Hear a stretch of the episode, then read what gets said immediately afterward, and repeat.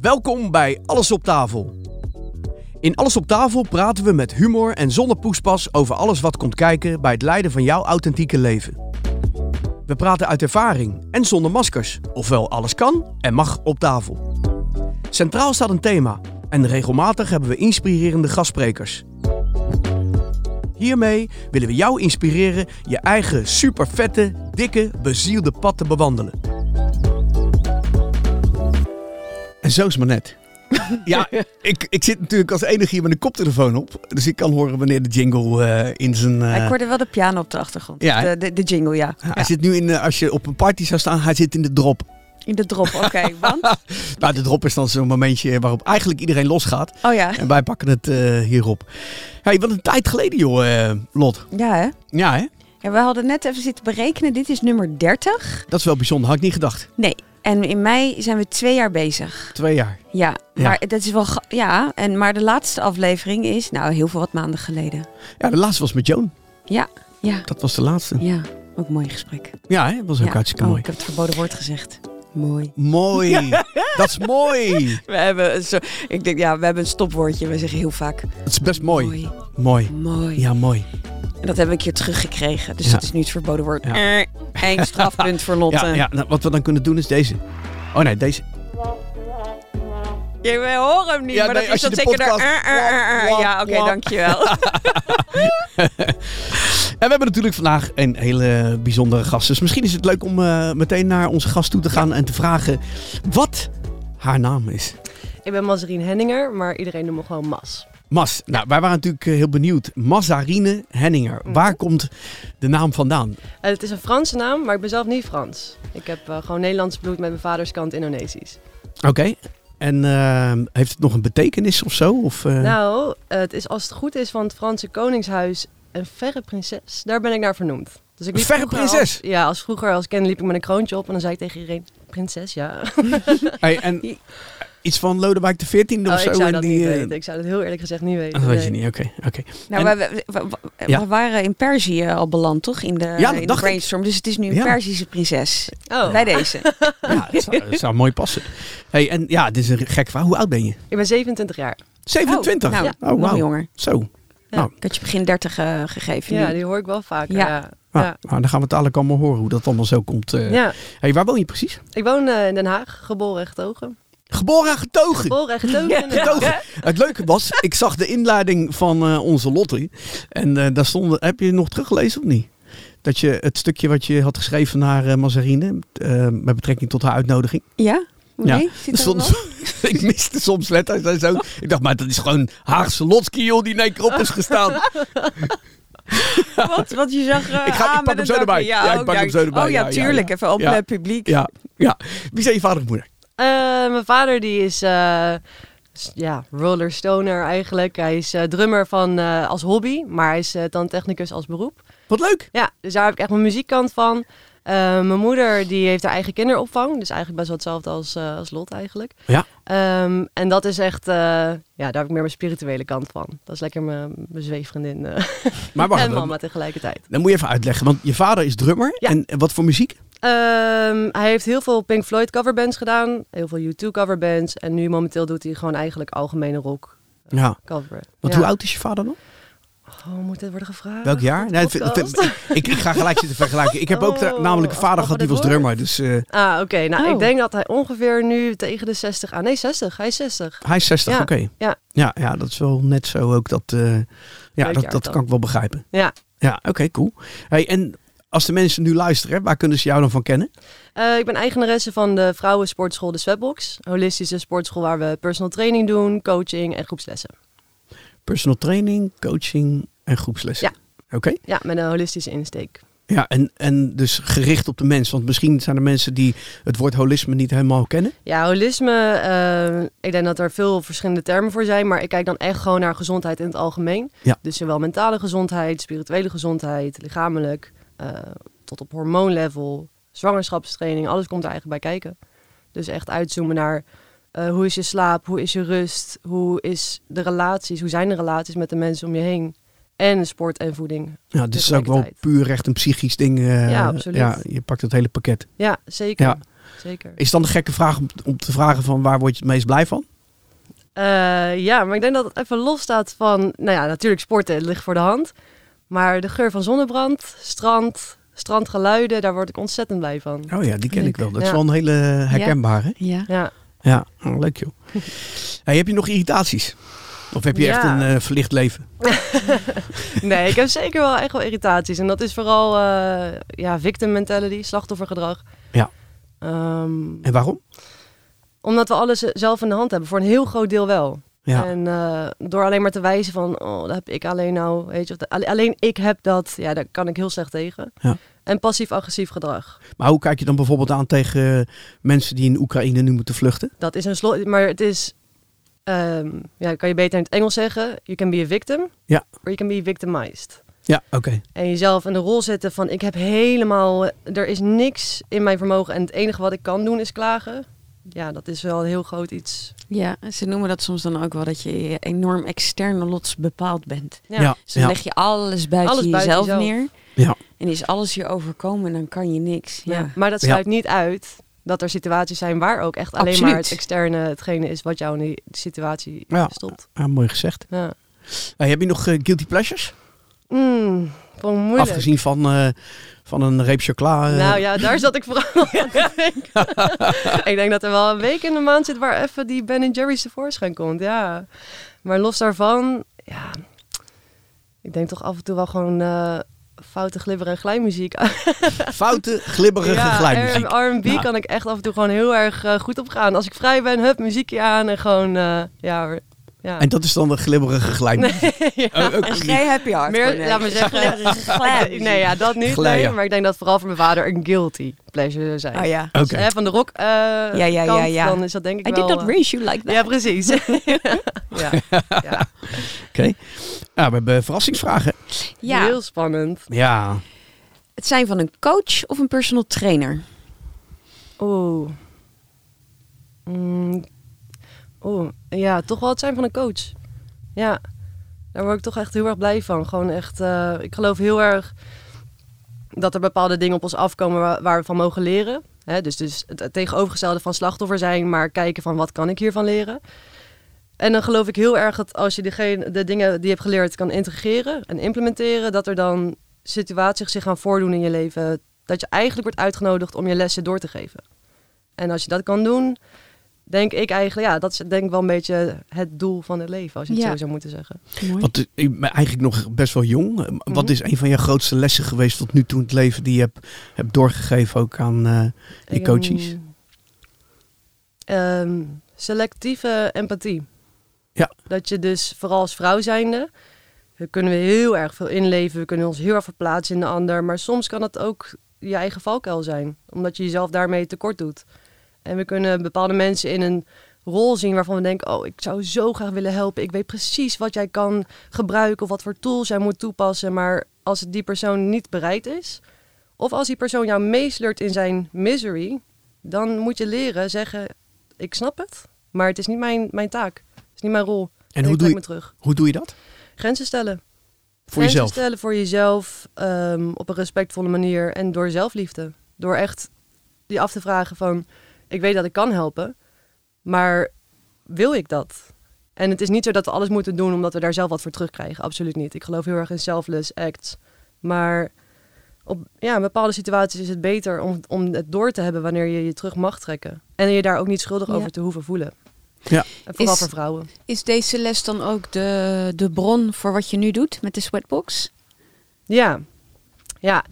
Ik denk dat we straks wel erin zullen duiken, maar ik heb in het verleden een narcistische relatie gehad. En dat is iets waar ik nou heel erg deze les heb mogen leren. Selectieve empathie. Je kan iemand nog zo goed begrijpen en denken, oh wat zielig wat iemand allemaal heeft meegemaakt. En je dan terugtrekken.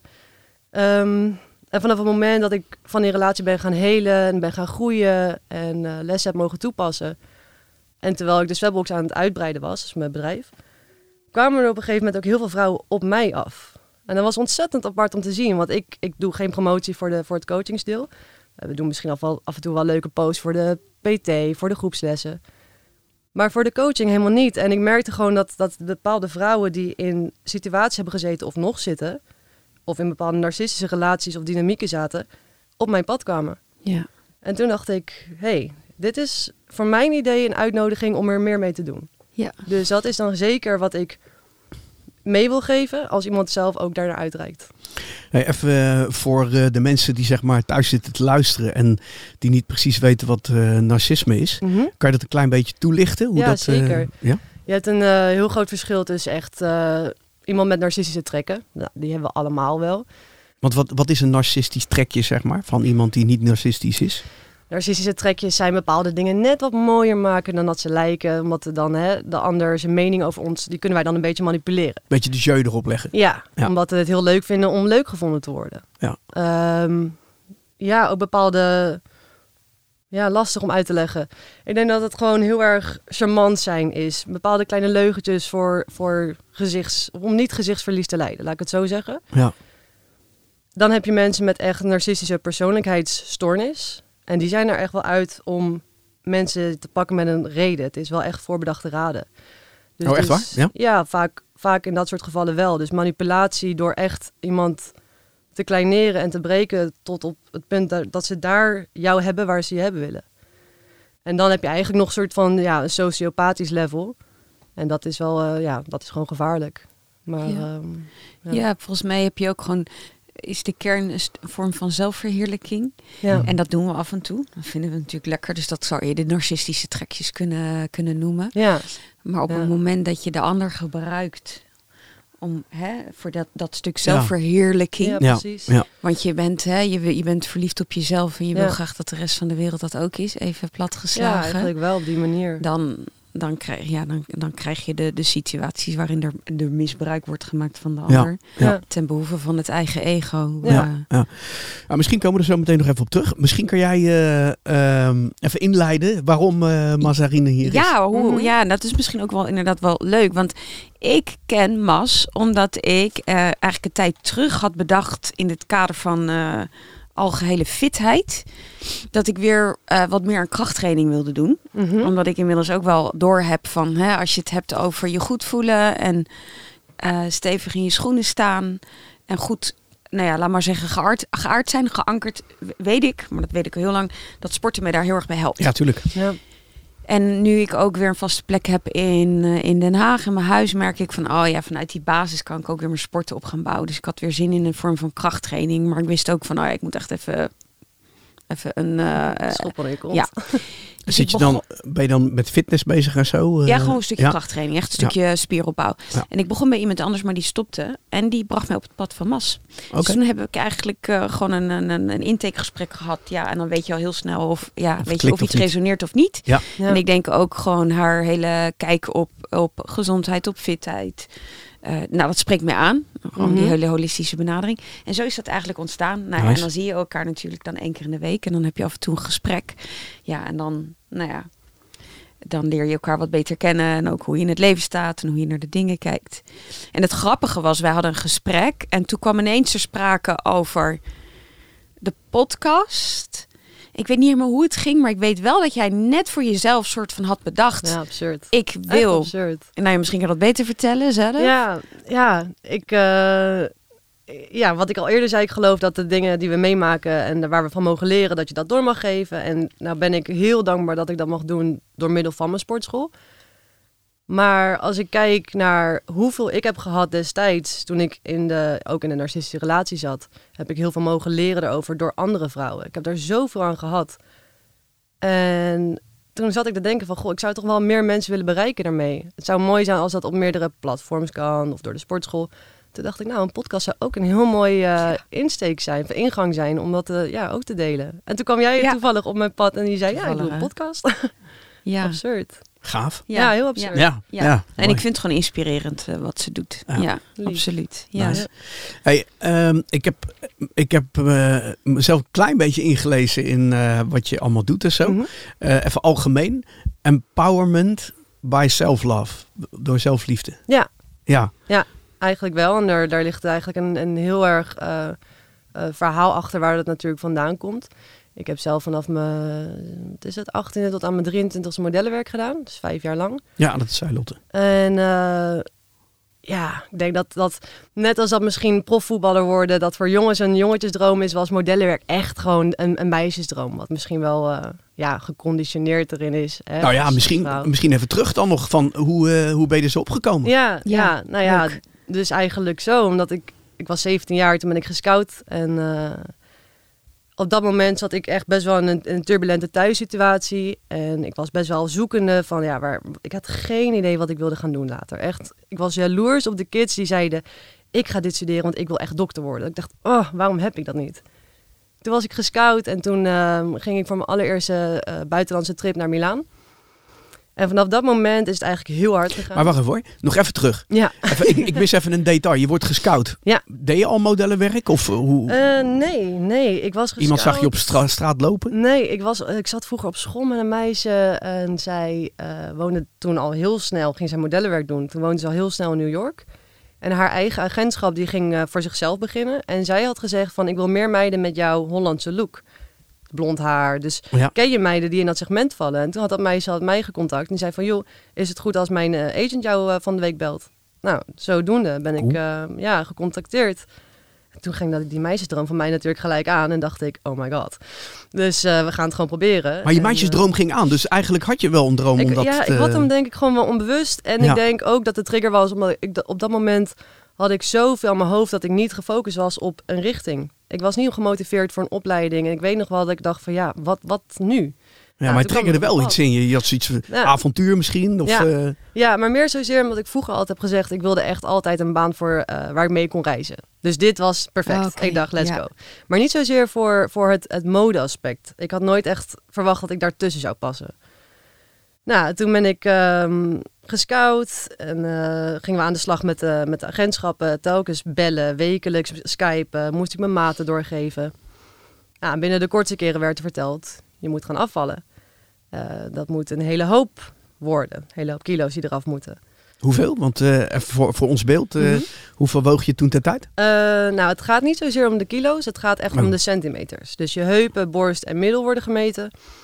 Ehm, en je heupen die moeten onder de 90 centimeter zitten, wat, wat Ja. echt gewoon heel dun is. Eh, je middel ongeveer eh, rond de 60 uit mijn hoofd. Dus jij ging vol aan de salades. Vol aan de salades, vol alleen maar aan het fruit.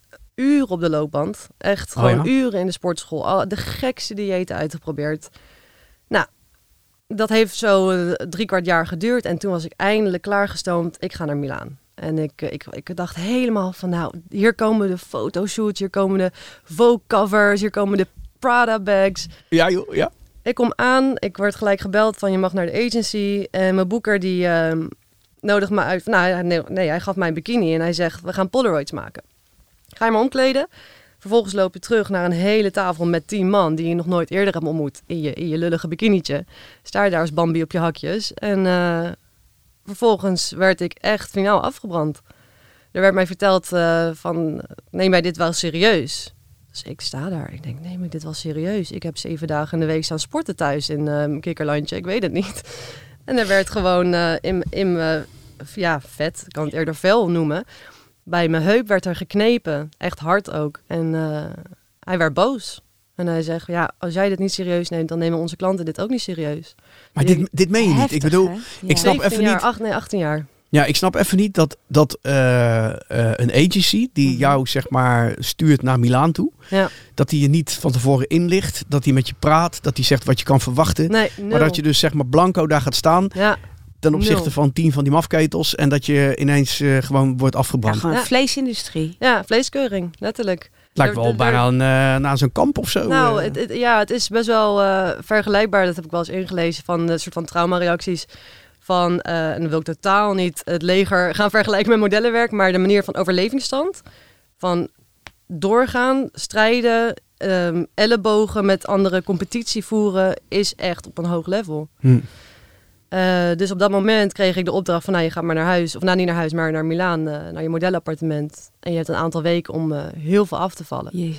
En ook al heb je geen verstand uit van, van misschien fitness, dan snapt denk ik iedereen wel dat in een paar weken zoveel afvallen, dat dat niet op een gezonde manier kan. Nee.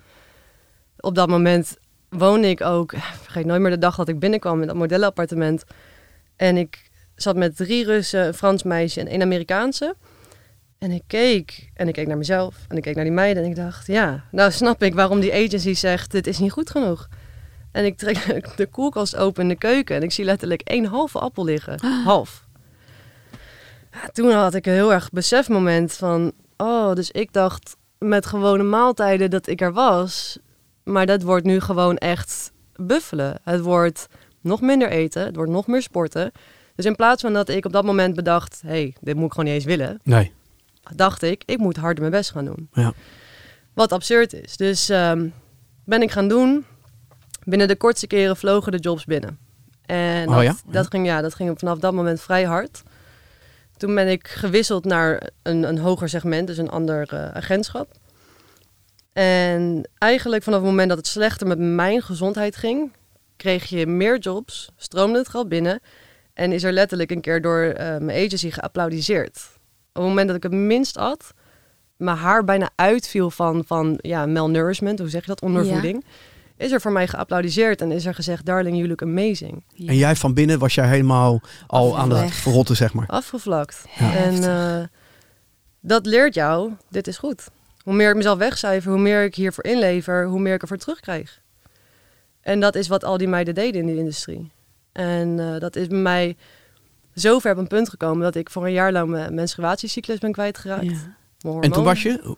Ehm, 20 jaar. Nou, dat is natuurlijk absurd. Absurd. Ja. Helemaal gestoord. Dus toen had ik eigenlijk eh, al heel gauw, of nou heel gauw, dat valt best mee. Na drie jaar had ik het besef van, mijn leven gaat heel snel. Echt fast-paced. Eh, je gaat van, van Parijs naar Barcelona, naar Madrid, Milaan, heen en weer naar Londen. En je raakt er gewoon eh, ook best wel afgevlakt van. Ik merkte dat ik, mijn eerste modellenappartement was zo ontzettend leuk. Die meiden, dat was echt een ervaring, weet je. We zijn met z'n allen in hetzelfde schuitje. We zitten, het is echt ons tegen de wereld. Maar ja, dan ga je na drie maanden naar je andere modelappartement. Jee, oké, leuk, leuke meiden. Weer een nieuw appartement, weer nieuwe mensen. En op een gegeven moment leer je van, ah, jij gaat toch weer weg. Ja. Ik ga toch weer door, dus oké, hoi, doei, wie ben je? Fine, ja, ik je gaat niks meer opbouwen, geen verbinding meer maken. Geen verbinding meer maken, je raakt dus echt afgevlakt. En toen had ik wel een punt dat ik dacht van, ja, dit ben ik ook helemaal niet. Niet eens van, wil ik dit wel, maar, maar waar ben ik? Ja. En, en dat wilde ik niet. En ehm, vanaf dat moment, ja, zegt je intuïtie het eng, maar je bankaccount blijft gaan. De jobs blijven gaan. Op die leeftijd ehm, was het best wel lastig om te zeggen van, hé, hey, ik kies er nu gewoon voor om eruit te stappen. Had je ook een bepaalde lifestyle al met kleding en eh uitgavenpatronen? Nee, die, nee, nee, daar was ik altijd heel erg eh, toch wel verstandig mee. Met, met sparen ben ik altijd heel erg verstandig geweest. Ik heb nooit eh, zelf geld uitgegeven aan designerbags. Alles wat ik heb, heb ik ook allemaal gekregen. Dus dat, daar, daar was ik niet zozeer van. Maar het was wel absurd. Ja, gewoon met, met private jets vliegen en alleen maar VIP alles doen. Ja, om dan, weten, om dan te weten als ik nu stop, ga ik weer gewoon naar mijn eigen hometown. En is het gewoon niet meer eh, VIP met de Uber naar de club worden gebracht, maar is het lekker in de rij gaan staan Ja. achterin. En, eh, maar ja, dat was nog niet zozeer het probleem. Daar, dat vond ik prima. Maar het was meer, ik heb hier zo hard voor gewerkt. Ik heb hier zoveel voor gelaten. Ja, ga ik dan nu zeggen, joh, Ja, ik, Nee. het, ik trek de stekker eruit. ja, maar vanaf het moment dat je niet naar je intuïtie luistert, geloof ik heel erg dat life, universe, hoe je het ook wil noemen, Zeker. has its way om jou zo in oncomfortabele situaties te duwen dat je zelf al de keuze moet maken. En op het moment dat ik wist, ik wil het eigenlijk niet meer, kijk, ik vind mezelf hier niet meer in, ben ik mijn narcistische relatie tegengekomen. Ah, Oh man, wat ben ik toen geconfronteerd met mezelf. En heb ik toen moeten nadenken van, hè, hoe kom ik hier? Hoe, hoe ben ik hier beland?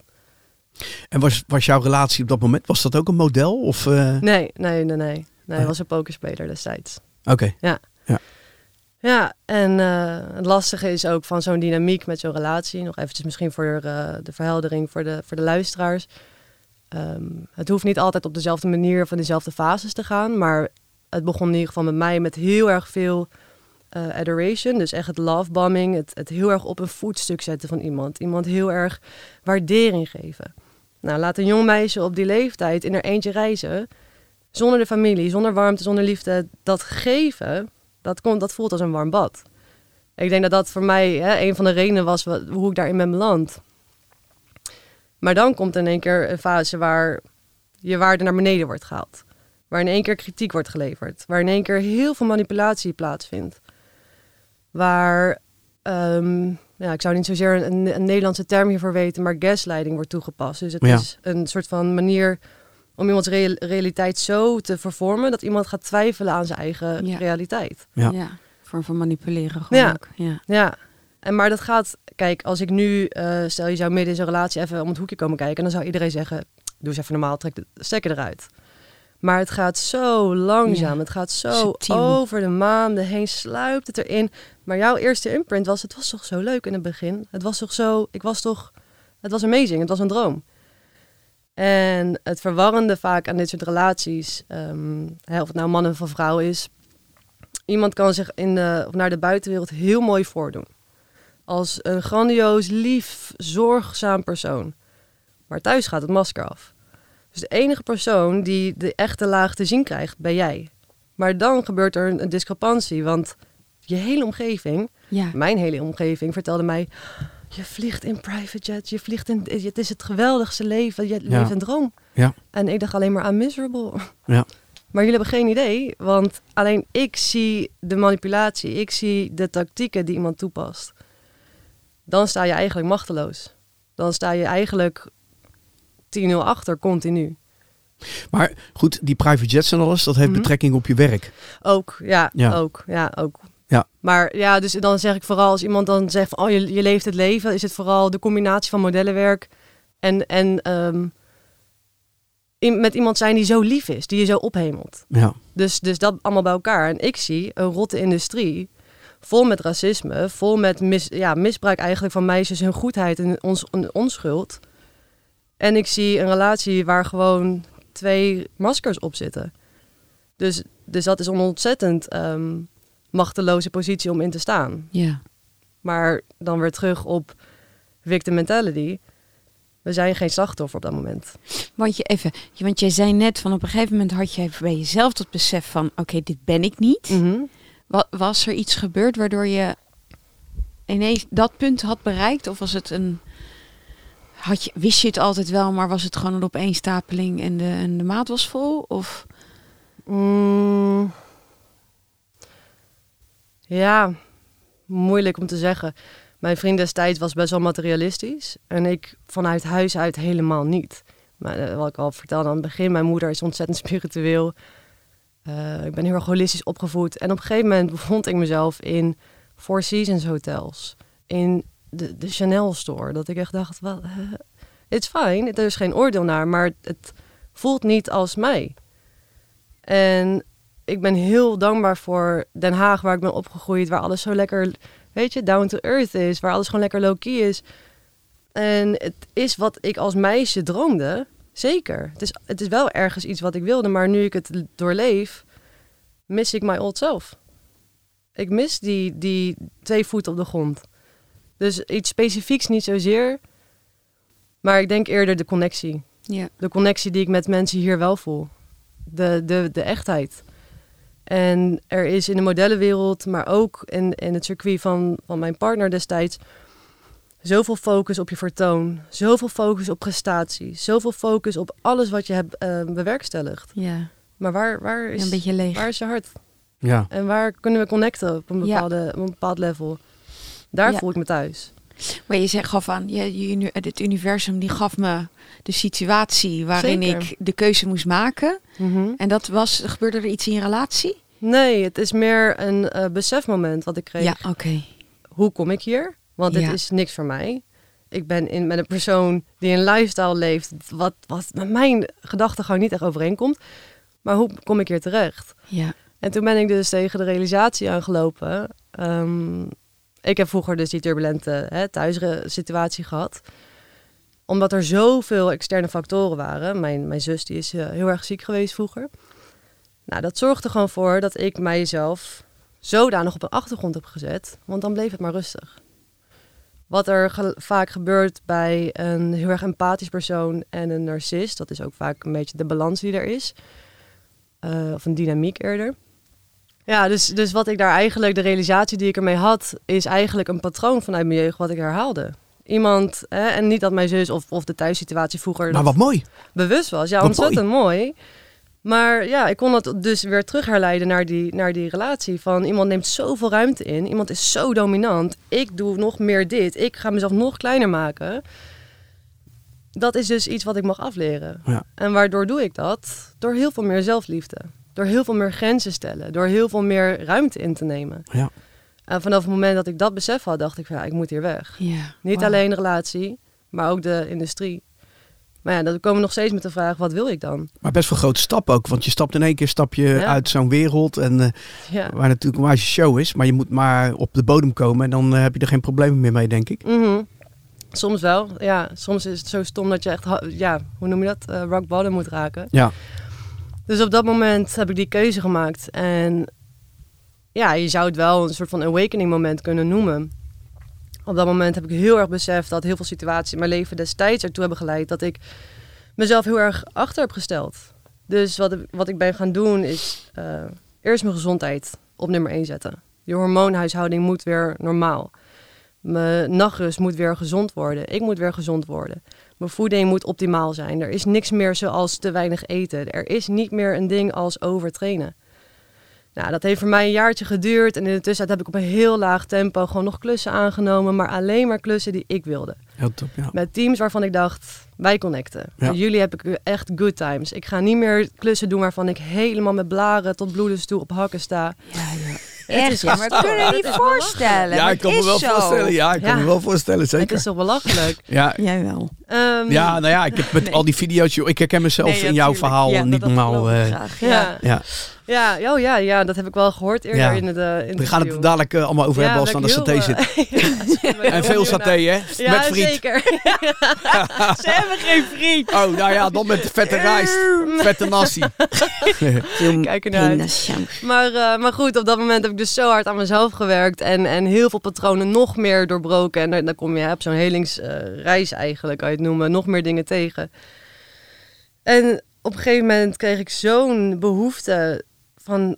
Ik wil meer mensen dit in laten zien. En ik zag die jonge meiden van 15 jaar die net weer begonnen. En ik zag mezelf gewoon, weet je. Het ielige bambietje wat allerlei debiele manieren gaat bedenken. Urenlang in de sportschool het wiel gaan uitvinden. Het heeft mij ongeveer drie jaar gekost om een normale balans te vinden.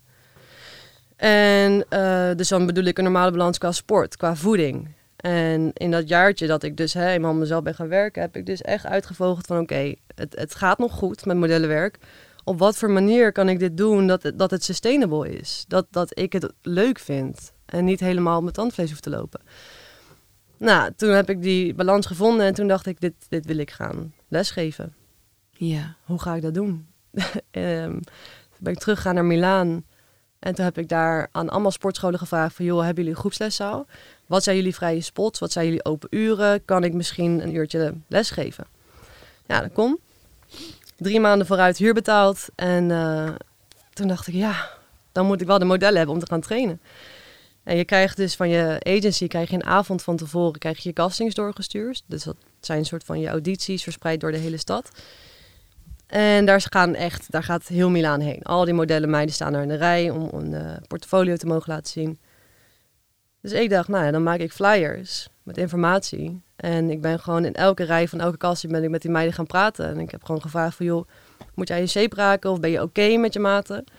Nou, 9 van de 10 meiden die, die struggelden net zoveel als dat ik dat had destijds. En eh menig meid zei van, nee, ik zit er echt nog lang niet op. Toen zei ik, nou, als je wil, kan je elke zaterdag komen. En dan heb ik gewoon een model bootcamp. Die echt gewoon voor mij wel heel erg heeft geholpen. Een mannenbootcamp. Model. Maddel. Oh, oké. ja. Ja, dus ook echt alleen maar voor meiden. En Ja. eh, dus echt gefocust. Want het bizarre is, geen van die agencies heeft een eh, personal trainer of een diëtist. Ja, ik hoorde wel in Turkije, volgens mij zaten daar wel wat agentschappen die dan een personal trainer, trainer koppelden aan eh, bureaus. Maar dan hoorde je vaak dat dat heel erg gericht was op echt krachttraining. Ja. En dat is totaal niet hoe Nee, die meiden moeten nee, trainen. Het is nee. zo'n specifieke training. Nou, eerste lesje, één deelname. Toen dacht ik, ah, waar ben ik aan begonnen? Laat maar hangen.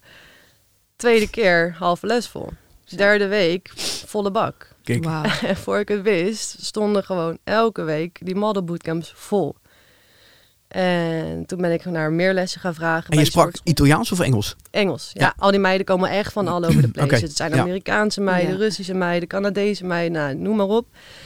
En eh, dat ging zo goed en het was zo mooi om te zien dat er een plek ontstond voor meiden die elkaar konden helpen. Ja, Waar je geweldig. ook gewoon je Ja, in kan begrijp vinden. Ja. Ja. Hè, je bent allemaal alleen, je bent allemaal ver weg van je familie, je hebt allemaal common ground, maar laat elkaar niet zien als concurrentie, we elkaar Ja. helpen. En voor ik het wist, kreeg ik ook aanvragen op een gegeven moment van eh, moeders, van studenten, van vrouwen uit het bedrijfsleven. En toen dacht ik van ja, hier wil ik gewoon echt meer mee. Ja, wauw. Ja, dus toen ben ik nog eh, een halfjaartje doorgegaan. En eh, toen dacht ik, nee, ik wil dit echt naar eh, Den Haag gaan verhuizen. Ik wil het gaan uitbreiden. En zodoende ben ik echt de Swebbox als gym begonnen. Ja, tof. Ja, Kijk. Tof. Maar het is ook wel grappig. Nou, even, even een kleine sidestep. Ja. Ik zei ook van, eh, ik, ik, in het voorgesprek zei ik ook van eh, jonge, jonge ondernemer, Mhm. daar hou ik van. Maar de, de, de drive die je hebt en die je dus ook mee hebt teruggenomen, ja, dat, dat is in alles merkbaar. Gewoon in hele kleine dingen waar ik gevoelig voor ben. is dus als je, zeg maar zeggen, ehm, contact legt, direct antwoord. Hup, doorpakken. Ja. Meteen erbovenop, Ja. ik maar zeggen. Maar En- ik, ik begrijp hem niet. Wat bedoel je? nou, dat ik, als je haar verhaal hoort, dan hoor je waar die drive vandaan komt. Ja. En die drive neemt ze mee naar business. En die is ook nu aan het bloeien. Ja. Ja. Maar ik merk dat in alles. Dus die gedrevenheid om dit te doen. En, je hoor, hè, en, en die komt natuurlijk ook vanuit een ervaring en vanuit overtuiging. Ja, dat is in alles merkbaar en voelbaar. Ja, en dat ja, is ja. leuk. Ja. Mooi. nou ja, dat heb ik heel erg teruggemerkt in die lockdowns. Die, ik heb bij die lockdowns zo weer zo'n drive die uit mijn tenen komt. Ja. Dan staat er, ik zeg altijd, soms heb je gewoon een aansteker onder je reet nodig. Dan staat er een aansteker onder mijn reet en ik sprint. En Ja. da- daar blijkbaar is dat gewoon, dat werkt voor mij ontzettend goed. En ik, ik vind het bijna leuk. Ja. ik kijk wat is mogelijk. Hoe kunnen we dit omzetten naar een oplossing? Hoe kunnen we dit laten werken? Ja. Ja, dus eh, ontzettend blij mee. En ik vind het gewoon ontzettend mooi om te zien hoe al die dames gewoon ehm, bij elkaar komen. Maar hoe, ik heb ook ontzettend veel van mijn eigen klanten mogen leren. Daar ben ik zo dankbaar Ja. voor. En eh, ja, dat is tot vandaag de dag echt gewoon nog steeds ontzettend aanwezig. ja, mooi. Ja. Oh, shit. Het is echt een... eh, mooi. Het is, het is echt een weder- wederzijds ding, hè? Eh, Ja, ja, absoluut. ja. Ja, en dat vind ik ook heel belangrijk. Ik merk het bij, bij de jonge meiden vooral die dan naar de groepslessen komen. Vanaf het moment dat ze het woord model horen, zie je een kleine glinstering in hun ogen. En dan zetten ze automatisch mij boven zichzelf. Oh, en zeggen ja. nee, naast elkaar. Oh ja, mooi. Dat wat ik kan, Mooi. kan jij ook. Heel mooi. Zo mooi. Ja, goed. Ja, super. Ja, en dat vind ik ontzettend belangrijk. En, en ik, ik denk dat dat gewoon wel deel- wat meer mag worden doorgevoerd ook gewoon naar de maatschappij. Wij leggen zo een, een eh, verwondering op, op de verkeerde plekken ook. Als we nu kijken naar, eh, hè, er zijn ontzettend hoop schandalen in de afgelopen tijd gebeurd. Eh, kijk naar een heel verhaal met Lil Kleine en Jamie Vaas of een Me Too of The Voice of Holland. Dan denk ik van ja, we, we glorifyen zulke industrieën, we glorifyen artiesten, we glorifyen zo'n jetset lifestyle. Maar wat gebeurt er allemaal onder de laag? Ja, want daar was ik eigenlijk wel benieuwd naar. Het is goed dat je daar weer op terugkomt. Want als ik hem even weer terugneem naar hoe jij bent begonnen, dan ben je begonnen met een input vanuit de maatschappij. Ja. En dat is eigenlijk de maatschappij die creëert eigenlijk je mind, Mhm. je mindset. Ja, We leven eigenlijk in een mind-made world. Ja, Dus wat dat betreft eh, is het ook niet gek dat we met z'n allen natuurlijk eh, de hele dag eh, aan het eh, swipen zijn op, Ja. eh, op verschillende social media. En dat we daarvan ook de voorbeelden zien. Want Ja. dat is de imprint van je mind. Ja, De zeker. foto's, de filmpjes, Ja, de reclames. zonder dat we erbij nadenken van wat adoreer ik nou eigenlijk? Nou ja, zeker. Nou, dat is ook weer een mooie link naar dat hele thema het narcisme. Ja, Er wordt een soort van... eh, grandioos iets Ja, geschept. inderdaad. Maar wat zit eronder? Heel veel onzekerheid. Ja. Zeker. Ja. Maar dat vind ik ook, dan is er ook weer meteen een link naar nou ja, spirituele ontwikkeling en eh, Mhm. whatever it may be. Ehm, eh, ik heb dan gemediteerd. Lotte weet wat meditatie is. Mhm. Meditatie is wel een tool als je jezelf even afzondert. Je gaat naar binnen toe ja. en je, je maakt contact met, eh, nou ja, met de energie die dit leven mogelijk maakt, zeg maar.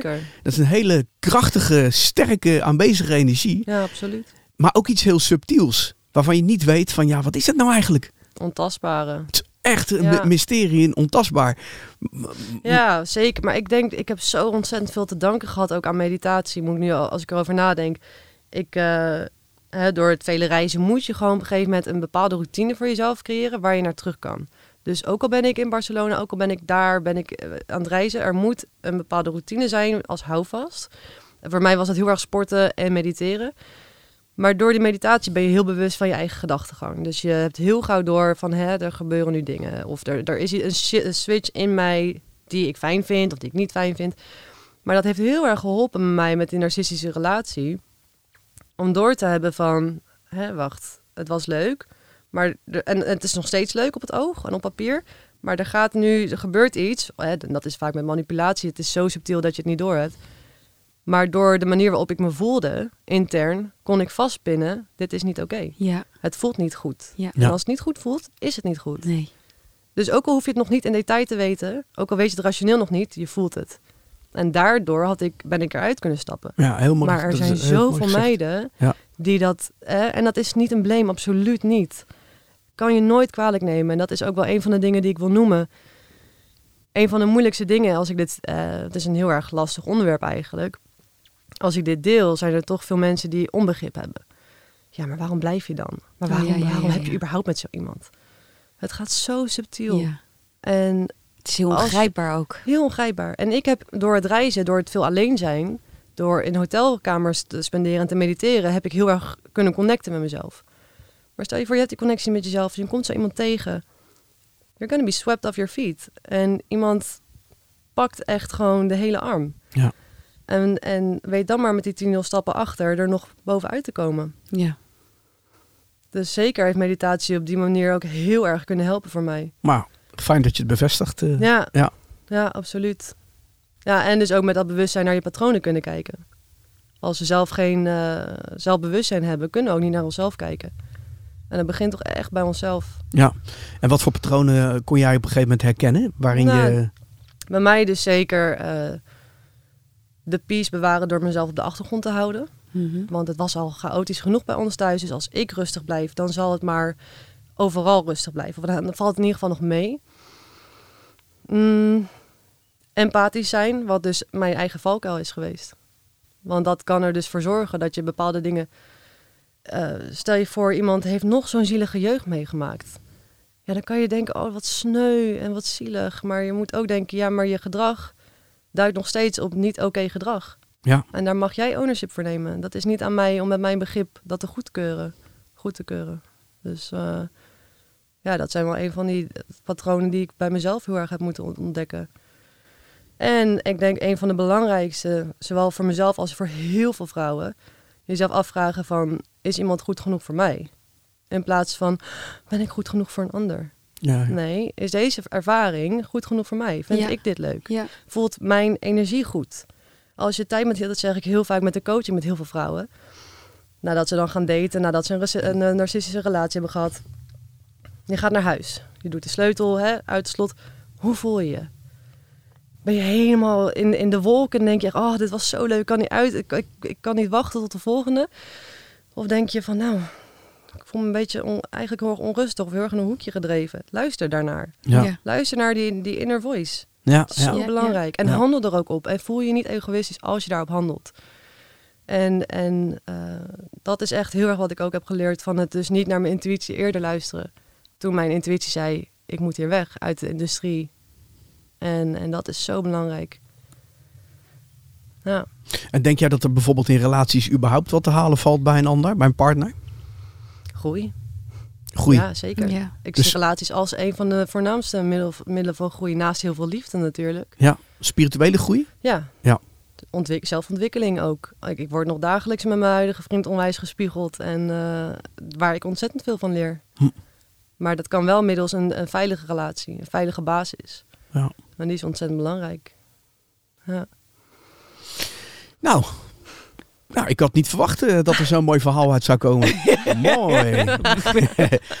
hey, we, hebben een, eh, Ja. we hebben een rubriek eh, in, Ja. ons, eh, in onze show. Mhm. En die Ja. hebben we niet altijd, maar nu wel. Ja, hè? Ja. Ik denk dat die nu heel belangrijk is. En eh, die gaat ongeveer zo.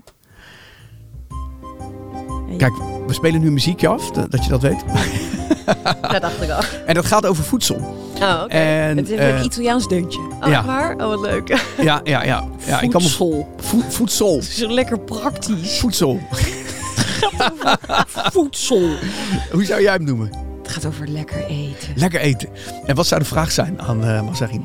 Nou, dit is gewoon een, een eetrubriek omdat we van eten houden. Dus ja, hm, ja het- het- ik, ik ben natuurlijk dan heel erg nieuwsgierig naar in, die, in jouw eh, periode als model. Nou, had je heel veel niet. Wat heb je het meest gemist in Oh my tijd? god, pasta bolognese van mijn vader.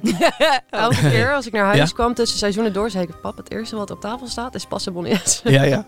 Ah, leuk. Heerlijk, ja. Lekker man. Ja, Maak je hem nu zelf? nee. Nee. Weet je gewoon met hele goede muziek, sommige covers moet je gewoon niet coveren? Nee, helemaal goed.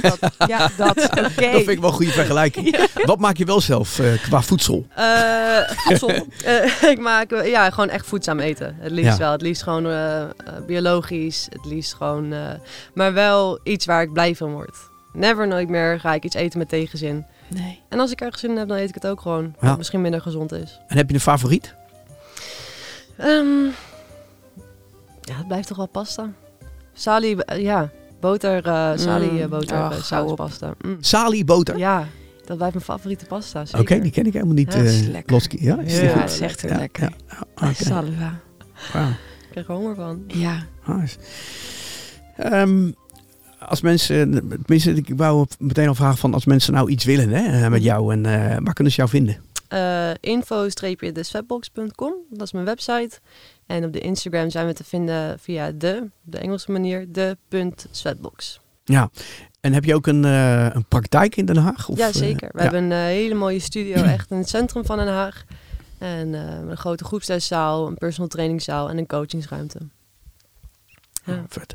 En ben jij de enige die les geeft of zijn er meer? eh, nee, we hebben coaches? ontzettende leuke meiden aan boord. Echt eh, stuk voor stuk ontzettend authentiek ook. En ontzettend gespecialiseerd en echt qualified in wat ze doen. Eh, van yoga-docenten tot personal trainers, tot krachttrainers, tot booty-lessen, trainers. Dus heel uiteenlopend. Ja, en ze Ja. kunnen een heel pakket bij jou. eh, Ja, we werken met, eh, met abonnementen of met strippenkaarten. Eh, vooral de, de holistic lifestyle coachings die ik doe, eh, gaan in strippenkaarten. Eh, losse lessen zijn ook mogelijk. En we zijn te vinden op OneFit. Ja, Ja. tof man. Ja. En alleen voor vrouwen, Ramon. Ja, helaas. Jammer, ja, maar dan boek ik gewoon een privélesje.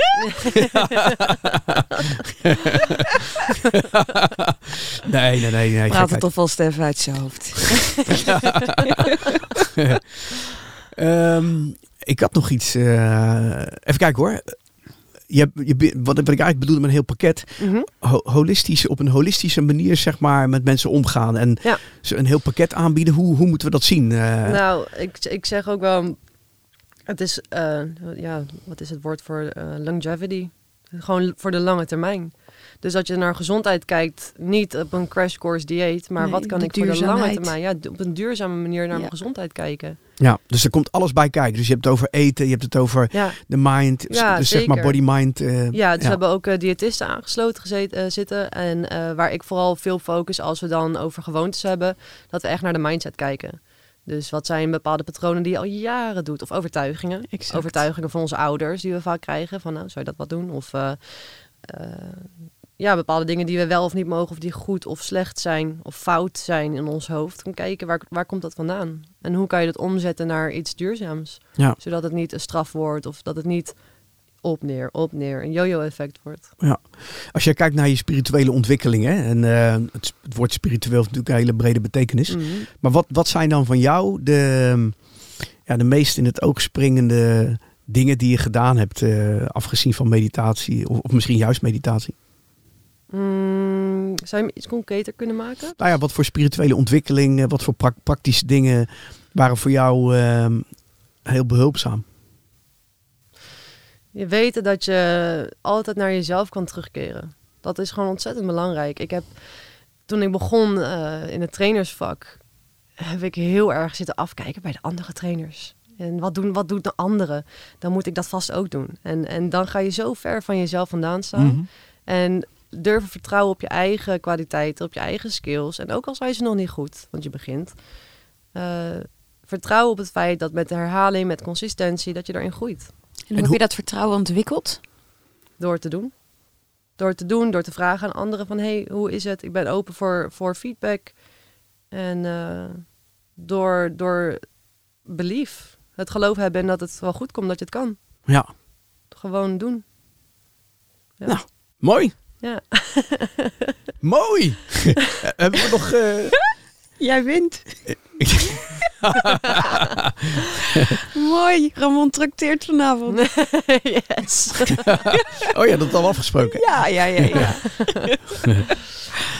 ja, ik vind het heel inspirerend. Echt, Dankjewel, Mas. Lot. Ja, echt prachtig. eh, ik wist al veel van je verhaal, maar niet alles. En ik zit je nu eh, aan te luisteren en denk van... wauw, ik gun je ook... eh, ik gun jou de wereld en ik win, eh, gun de wereld jou, laat ik het zo Nou, zeggen. lief, ja, mooi ja, ja, Nou, lief gezegd. van je. Ja, absoluut. Leuk. Ja. Nou goed, dan eh start ik hem in hoor. Heel erg bedankt voor het gesprek. Sorry? Heel erg bedankt voor het gesprek. Ja, zeker. Ik vond het echt inspirerend. Ja. En, eh, Laatste vraag. ja, maar die komt zo meteen. We hebben Oh, eerst de, de jingle nog. En, maar die loopt nu. Ja. Wat was de laatste vraag dan? De laatste. Als je één advies mag geven aan degene die luisteren, wat zou dat zijn? Moet ik zeggen? Ja. Oké. Ja, ga maar door de jingle heen. Eh, advies wat ik zou meegeven, en dat is denk ik vooral gericht op de jongeren onder ons die dat misschien luisteren. Als jij een bepaalde ingeving hoort, de intuïtie, volg hem. Ook al zegt de hele ruimte A, maar zegt jouw hoofd B, dan doe je B. Ja, ik, ik heb ook wel eens, eh, daar wil ik iets aan toevoegen. Ik heb wel eens gehoord van eh, mensen eh, die er ook verstand van hebben. Dat als je op een gegeven moment een eh, idee hebt. En iedereen die is er tegen en die zegt van ja, maar dit kan helemaal niet. Dan zit je op de goede weg. Ja. ja. En als je ervoor op durft te staan. Ja, Als je? Als je ervoor op durft te staan. Ja. Dan zit je op de goede weg. Mooi. Dan creëer je de juiste weg. Ja, want dan kan je, als je jezelf zeg maar kwetsbaar maakt en eh, ja, je, je komt in principe kom je uit de kast met iets wat niemand had verwacht. Mhm. Dan in één keer, Ja. ja, Ik ben een keer tijdens een fashion week ben ik weggelopen. Daar had ik heel Oh, wauw. veel kritiek Ja. op. Ja? Ja, maar later hebben heel veel mensen me daar wel verteld van... Jeetje, wat heb jij het juiste gedaan? Ja. Ja, ik stond in een rij voor eh, Roberto eh, Cavalli casting. Naast twee eh, hele mooie donkere meiden. En eh, die pakten hun spullen en die zeiden van... Nou, ik geef nog vijf minuten en ik ga. Ik zeg, ben je niet goed? Wat een, wat een kans is dit? Toen zeiden ze van... Denk je nou echt dat wij dit ooit gaan boeken? Dus ik zeg, ja, waarom niet?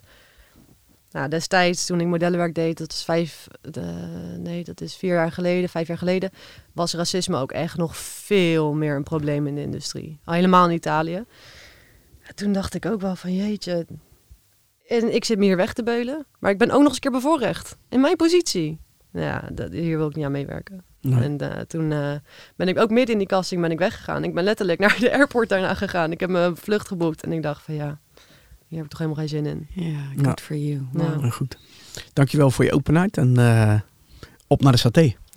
Jullie heel erg bedankt voor het gesprek ook. Dankjewel. Yes. Ja, super. Joep.